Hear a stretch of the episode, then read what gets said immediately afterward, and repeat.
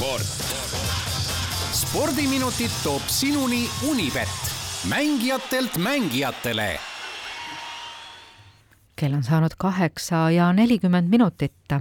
meil on spordireporter stuudios Ott Järvela, tere hommikust! tere hommikust, selja taga on äh, väga tihe spordiesmaspäev. no minu meelest selja taga näidatakse Maailma Majandusfoorumit sul hetkel teleekraanil mina ei vastuta selle eest, kuhu te mu istuma panete ja mida, mis telekanalit te sealt tele, telekast, mis minu selja taga on ja mida ma ise ei näe, näitate ja vaatate. ja meie ei vastuta selle eest, kuidas see spordiesmaspäev möödus? no oli ju pingeline ja põnev, sellepärast et eile õhtul paralleelselt toimusid Äh, nii Anett Kontaveidi mäng Prantsusmaa lahtistel kui ka korvpalli finaalseeria teine kohtumine, et ma kodus küll äh, vahetasin ja klõpsisin nagu kahe ekraani vahelt, et kord oli üks mäng telekas ja teine telefonis ja siis oli jälle vastupidi, et proovisin mõlemat korraga jälgida. Äh, võtame kodumaise enne, ei, räägime Aneti,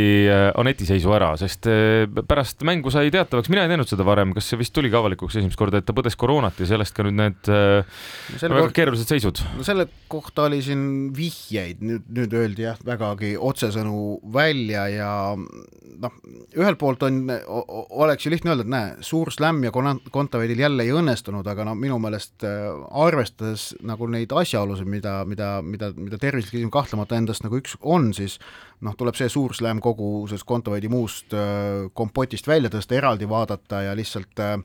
noh, minu jaoks oli hiljem, kui lugesin Kontoveidi enda nagu kommentaare, et pilt ees virvendas ja ei jaksanud korralikult püsti seista, siis see tennis, mida ta Alja Tomljanovitši vastu eile näitas, oli tegelikult vägagi kõrgetasemeline, Eurospordi telekanali kommentaatorid mitmel puhul tõstsid esile selle mängu kõrget taset ja tõesti noh, oli väga kauneid, huvitavaid pallivahetusi, oli pikki pallivahetusi, eh, nii et, nii et tegelikult selle mängu tase oli väga hea, aga vastane oli ka väga, väga heas hoos ja, ja noh, tegelikult ja siis, kui arvestada, et endal füüsilist toonust ikkagi ei ole, siis siis see kaotus on loogiline tulemus, sinna ei ole nagu midagi parata ja, ja nüüd eh, noh, tuleb, tulebki lihtsalt tervist taastada, et siis Muru väljakute hooajaks valmis olla. aga see, kuidas Kaia Kanepi möllab ja näitab koha kätte ka kõige kõvematele, on muljetavaldav jaa, kahe tuhande kuueteistkümnenda aasta Roland Garrosi võitja Karbin Muguruza sai Kaia Kanepi poolt äh, kotti pandud, Muguruza siis liitub selle kuulsa nimekirjaga, kuhu kuuluvad Kaia Kanepi ohvrid suurte slam'i turniiride esimestes ringides. Äh, USA lahtiste mm, Twitteri konto tegi statistikat ja see on täiesti vaimustav statistika, et äh, äh, pandi paika ritta naistennisistid selle põhjal, kuivõrd palju on nad suure slam'i turniiride kolmes esimeses ringis võitnud asetatud mängijaid. Serena Williams juhib seda edetabelit pika puuga kakskümmend üheksa võitu. Venus Williams on kahekümne kahe võiduga teine, Viktoria Azarenka kahekümne ühe võiduga kolmas ja Kaia Kanepi üheksateistkümne võiduga neljas. aga äh, Venus, Serena ja Azarenka on kõik endised maailma esireketid Mm -hmm. Kaia Kanepi pole isegi maailma esikümnesse kuulunud kordagi, aga selles lõikes noh, no, no see, kui ta kunagi USA-s ju Simona Halepi välja võttis ja, ja tegelikult neid näiteid on seejärel olnud veel kõvasti, aga noh, see Simona Halep toona oli vast kõige selline markantsem näide, et noh, tast ega keegi ei olnud üllatunud eriti kui Kanepi Muguruusat võitis, kui vaatasid tennise Twitteris ringi pärast mängu, siis oli niimoodi, ei näe, ta tegi seda jälle, ta tegi seda jälle, jah, jah, noh, nii oligi. E, e, ja, ja see on fenomenaalne. Kaia Kanepi tähistab e, juuni alguses oma kolmekümne seitsmendat sünnipäeva, see see vitaalsus, mida ta praegu üles näitab, tänavu ju Austraalia lahtistel veerandfinaal ka, et see on, see on fenomenaalne ja ainult kinnitab seda, kuivõrd suure sportlasega tegu on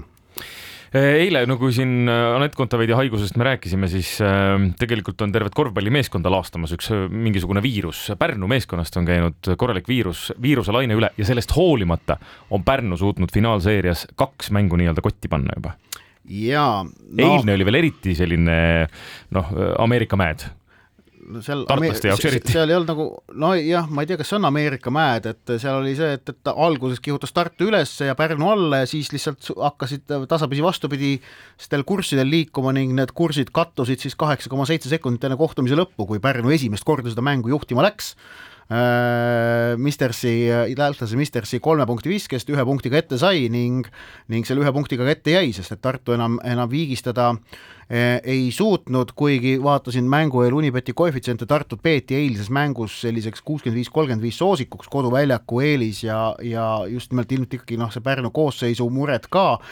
Aga Heiko Rannul ja Gerd Kullamäe, Pärnu treenerid on teinud selles mõttes vägeva töö, et suutsid võistkonna selles eilses mängus juhendada, rahulikuks jätta, ka vaatamata sellele, teise veerandi alguses olid kahekümne punktiga taga ja, ja viia võidule, see on, see on taseme, see on kõva sõna. Ja nüüd ähm, noh, korvpalli finaalseeria on olnud vaimustav tegelikult, see, et kuidas Pärnu Tartu sinna vastamisi sattusid, aga nüüd on tal üks väga suur mure ta võib otsa saada kolme mängu tõsi, põnevust et, tahaks veel. jah, et see on ainukene, no Pär-, Pärnu toetajad kahtlemata ei nõustu ja, ja neist tuleb muidugi aru saada, aga ma usun, selline korvpalli üldsus ja ka Eesti spordisõber keskmine tahaks seda seeriat näha pikemana kui kolm mm. mängu Pär,, Pärnu muidugi ei taha. ja noh, neljapäeval tuleb siis äh, seeria kolmas kohtumine, et seal seal see toimub Pärnus, Tartul on vaja seeria Tartusse tagasi tuua, kas see õnnestub, eks, eks siis ole näha, aga aga no eks see psühholoogiline eelis ole nüüd väga selgelt Pärnul, et kaks sellist ikkagi pingelist võitu on käes ja, ja see, see võib vastast muserdada, nii, nii need asjad spordis toimuvad, et seal, ega seal finaalseerias ei ole ju ainult noh, treenerite taktika ja või, või, või vaid väga palju mängibki psühholoogia ega viimastel minutitel, kui on punkt punkti mäng, ega seal võidab see, kes on vaimselt, vaimselt kõvem. kas Soosiku seisus on ka kuidagi muutunud nüüd seoses sellega, et Pärnu on kaks mängu võitnud? no kindlasti on, sellepärast et, et noh, seeria eel ikkagi Tartut peeti ju kergeks soosikuks, vaatamata sellele, Pärnul oli koduväljaku eelis, aga noh, kaks-null edu on nüüd Pärnu päralt ja, ja kahtlemata on nemad nüüd selleks, selleks soosikuks Eesti meistriks tulekuks, Tartul ju eksimisruum igasugune puutub, puudub. No nii, kell on juba kolmveerand üheksa, aga jalgpallist veel mitte sõnaga aga kas te tõesti varem tänases Äratajas ei rääkinud sõnagi jalgpallist? palun vabandust. jälle, jah? ma vist rääkisin, kui aus olla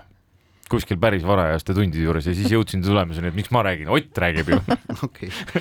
ehm, aga, aga jalgpallis ehm, noh, nädalavahetusel oli, oli emotsionaalsed matšid nii Eestis kui Inglismaal. Ehm, Eestis selgus karikavõitja, Paide linnameeskond alistas Nõmme Kalju lisaajal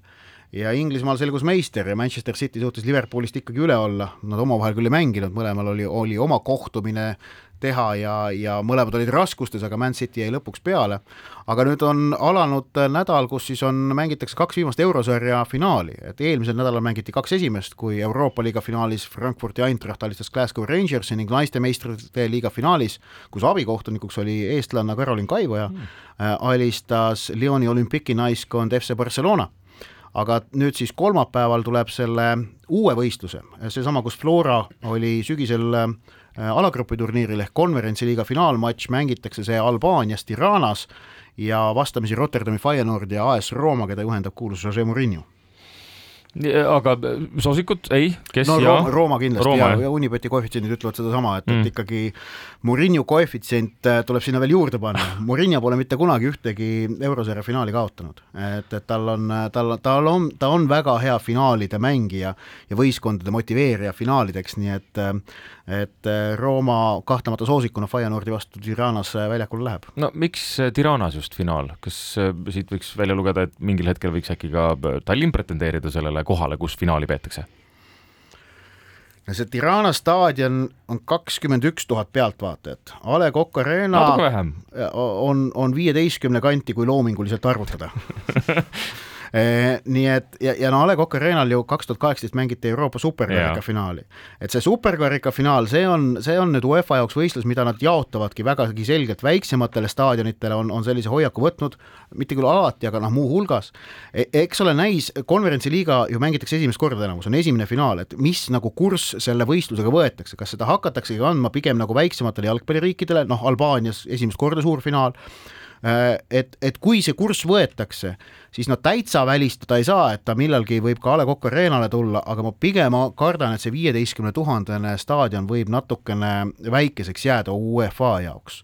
et, et eks see on huvitav küsimus, peaks, peaks uurima Jalgpalliliidu käest, kas nad on mõelnud sellele. ja laupäeval tegelikult, kui me jalgpalli juures veel oleme, on, on üks väga oluline mäng. Liverpool küll seda nelja tiitlit enam kätte ei saa või, või karikat, aga, aga veel kolme lootus püsib, ehk siis meistrite liiga finaalis vastamisi laupäeval Real Madrid ja Liverpool ja no kuule, Ott, mis nüüd äh, juhtus, ise eelmine kord rääkisid, et Mbappe Real Madridi, nüüd tuleb välja, Mbappe ütleb, ma ei lähe kuhugi, hoolimata sellest, et Ott Järvel ütles, et lähen. jah, ta, me, me rääkisime Kilianiga ja, ja, ja ta kahetses enda, enda seda, seda, et ta mind oli alt, liiga innukas. seda, et ta mind alt vedas mm, -hmm. äh, aga ma andsin talle andeks, ähm, et, et et, et seis on selline, see oli üllatav, et ta Madridi Realist ikkagi need, need kõlakad, et võib niimoodi minna nagu kergelt hakkasid millalgi tekkima ja siis tuligi nüüd otsus, et ta jääb BSG-sse, ei lähe Madridi Reali aga noh, jah, tähelepanu on tõesti selles mõttes ikkagi ka juba laupäevasel finaalil Liverpool Madridi Real, soosikuks Unibeti koefitsienti järgi on Liverpool, aga noh, finaalid on viiskümmend, viiskümmend, nii et seal mm. võib kõike juhtuda ja räägime reedel vast sellest täpsemalt. nii on. mitu ekraani jälle lahti Eh, millal? no erinevatel päevadel loomulikult no sõltub sellest, kuidas võistlustega läheb, aga kuna meil jäähoki MM-il hakkavad ka sõelmängud pärale jõudma, siis ilmselt on seda mitme ekraani nippi vaja taaskord kasutada, jah. sport. spordiminutid toob sinuni Unibet, mängijatelt mängijatele